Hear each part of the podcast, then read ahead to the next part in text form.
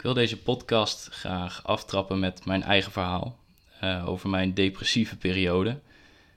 Ehm, een verhaal dat begint als iets positiefs en uitdagends en uiteindelijk, jammer genoeg, ehm, ja, dus uitmondt in een periode van depressie. Dus welkom bij de eerste aflevering van een vrij serieus podcastje. Um, dit verhaal begint in 2015. Ik uh, ga op kamers in Amsterdam, gezellig bij twee andere jongens. En um, ja, allemaal top. Je kent vast wel als je zelf op kamers bent gegaan, die eerste stap is echt enerverend en daar heb je zin in. En um, daar krijg je eigenlijk alleen maar energie van.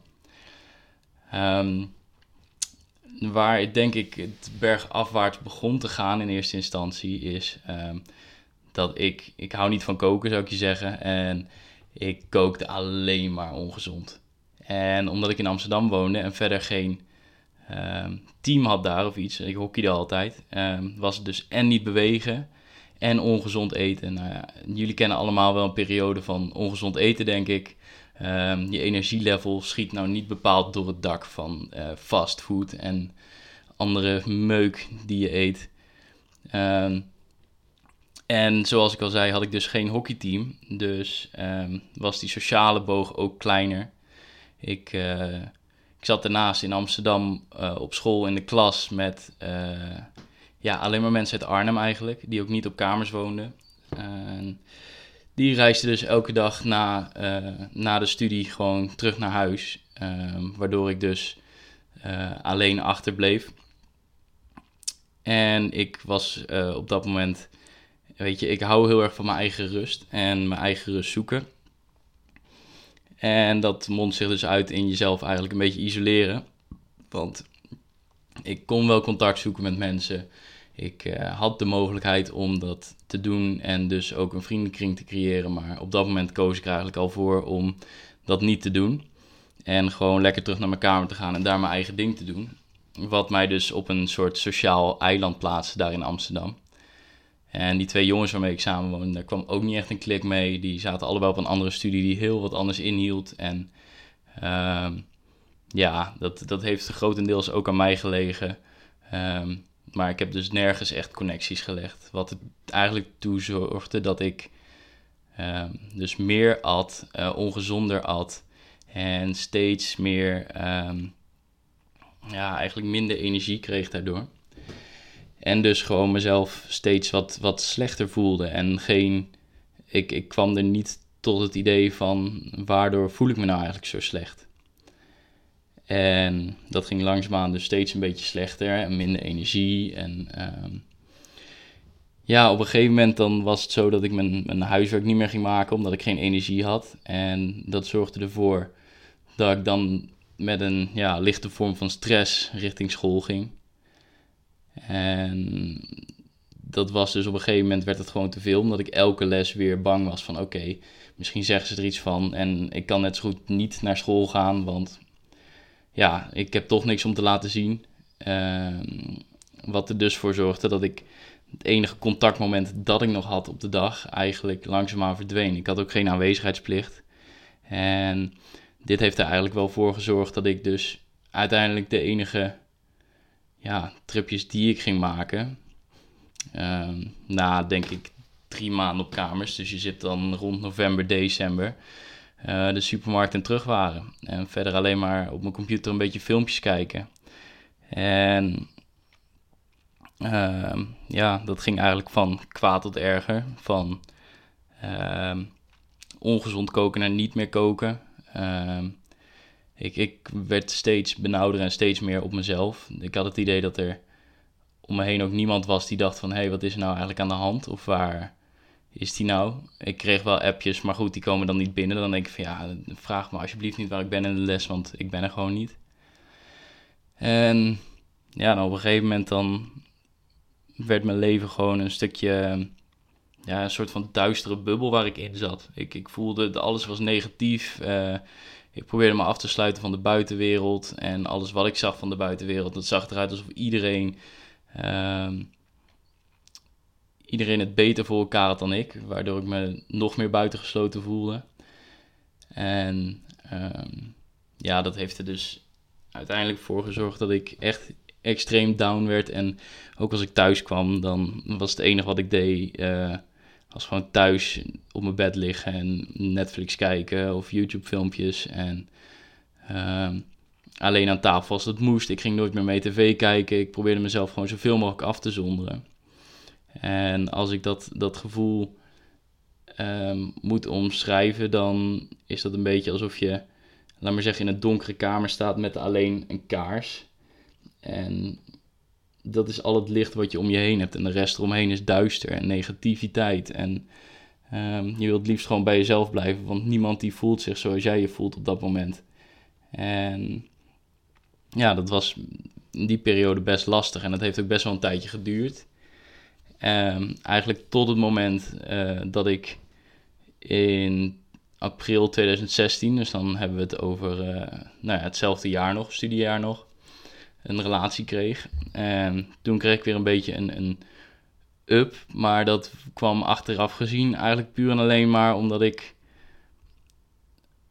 me op dat moment dacht van, oh, er zijn dus wel mensen buiten mijn familie die mij waarderen om wie ik ben. En uh, ja, die, ik, die mij willen, laat maar zeggen. Dat als resultaat had dat ik eigenlijk alles ophing aan haar en dus ook alles van haar vroeg. Om gewoon, als zij geen aandacht voor me had, dan was ik weer depressief. En dan zat ik weer in een neerwaartse spiraal en voelde ik me weer slecht waar zij ook heel veel last van heeft gehad destijds. En ik kan me voorstellen dat dat een hele lastige uh, relatie ook was voor haar op die manier.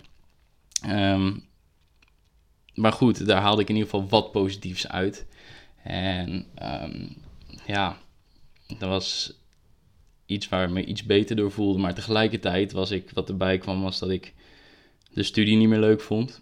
Um, ik haalde mijn punten natuurlijk niet, omdat ik niet naar school ging. Ik uh, ging regelmatig nu gewoon op en neer uh, met de trein. Gewoon om even, al was het een uurtje, dan kon ik anderhalf uur heen, anderhalf uur terug in de trein zitten. Om even een uurtje los te zijn van mijn eigen duistere bubbel en dan met haar tijd door te brengen.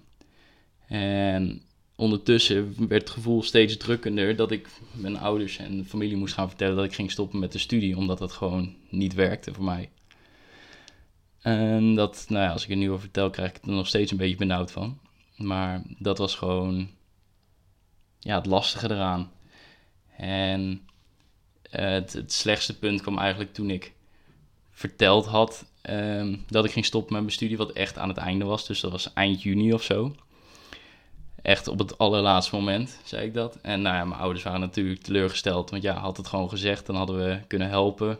En voel je daarom zo slecht en je, ben je daarom zo down? Want iedereen in mijn familie kan je voorstellen, die had ook zoiets van... Waarom is hij nou zo, zo lamlendig en waarom doet hij niets? En eh, kunnen wij hem helpen op een bepaalde manier? En toen in die zomervakantie heeft mijn moeder ook gezegd, want mijn antwoord was telkens als ze vroegen van... Wat is er nou met je? En dan zeg ik, nee, niks, gewoon, ik ben moe en ik moet gewoon bijslapen. Maar ja, als je dan op een gegeven moment non aan het slapen bent, en ik woonde natuurlijk op een gegeven moment ook weer thuis, uh, dan hebben ze gewoon door dat je eigenlijk de hele week op je bed ligt en niks doet.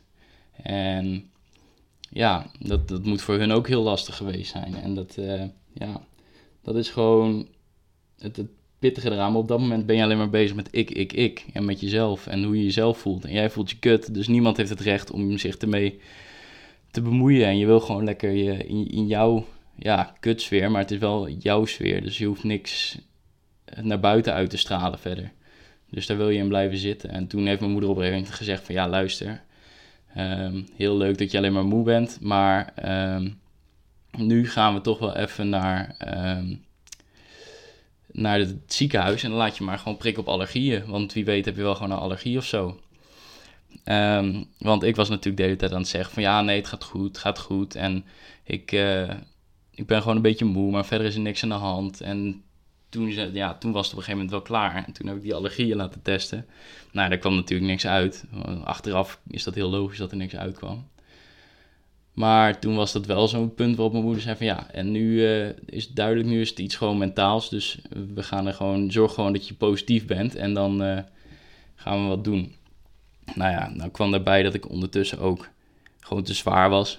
Ik was denk ik wel 10 kilo aangekomen of zo van al het ongezonde eten. En ik woonde weer thuis, dus ik moest ineens meedoen met het huishouden. Wat ook iets is waar je totaal niet op zit te wachten. Ehm, dus ja, dat was gewoon een pittige periode. En toen, ja, toen had mijn, hadden mijn ouders bedacht dat we wel een vakantie naar Marokko gingen doen in uh, juli. En ja, weet je, als je dat hoort, dan moet je natuurlijk mee. Ook al zit je er totaal niet op te wachten. Uh, want dit is een, een kans, once in a lifetime, om gewoon met je ouders mee te gaan.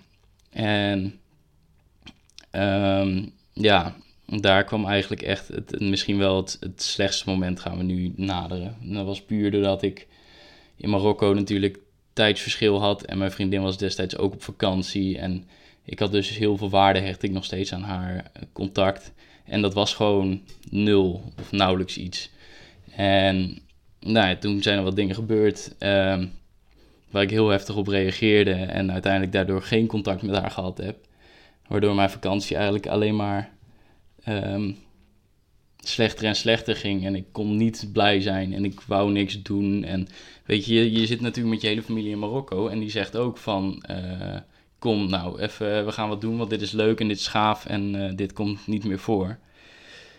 En ja, toen heb ik uiteindelijk, nou ja, ik was zo down dat ik gewoon gezegd heb, ik ga eerder naar huis. Ik ga nu weg. Ik uh, wil niet meer jullie zetten me maar op het vliegveld en ik verpest jullie eh, vakantie ook alleen maar. Ik wil gewoon thuis zijn.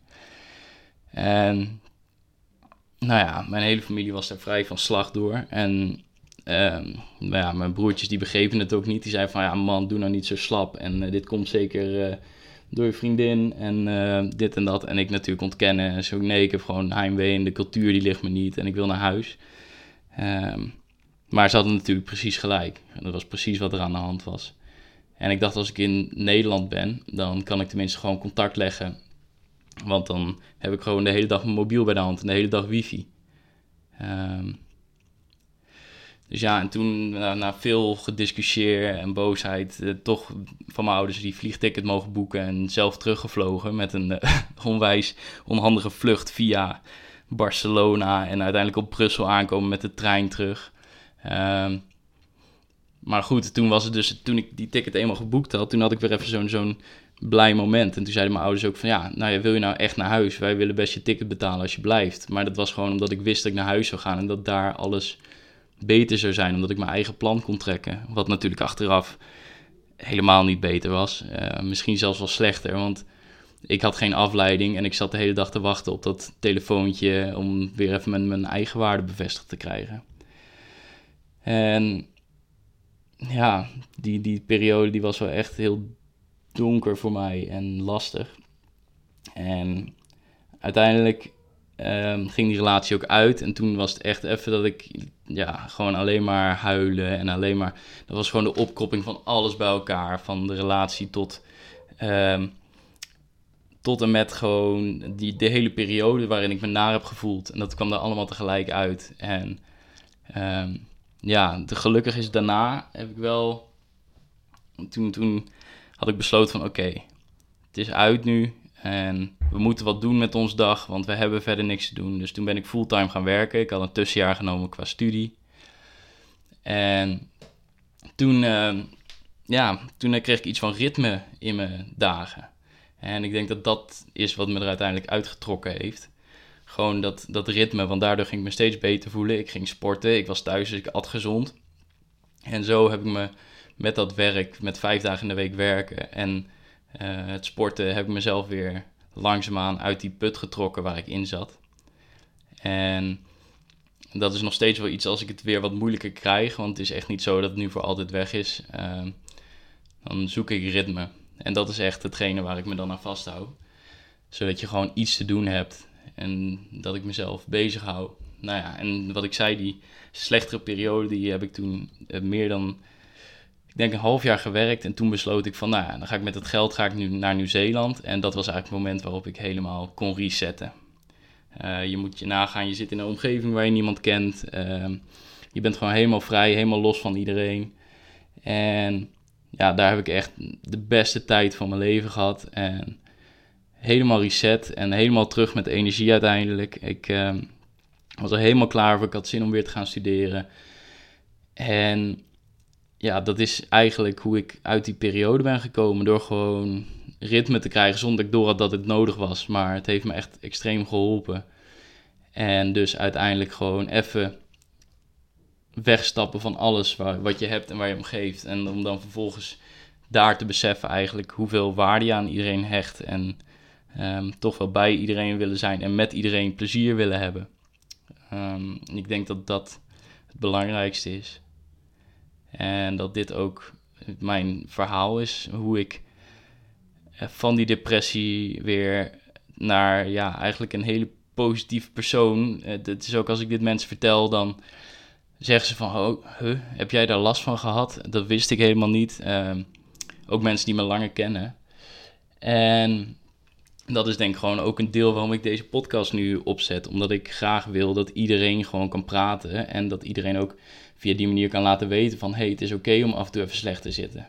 Ik, ik, uh, ik ben nu een hele positieve persoon en ik zie overal kansen in. En dat, daar ga ik volle bak voor. Maar ook die mensen hebben hun dingen gehad en uh, lopen met dingen mee. Dus ik zou graag willen meegeven van als je je slecht voelt, zoek iets wat je helpt, waar je energie van krijgt. Al is het iets heel kleins.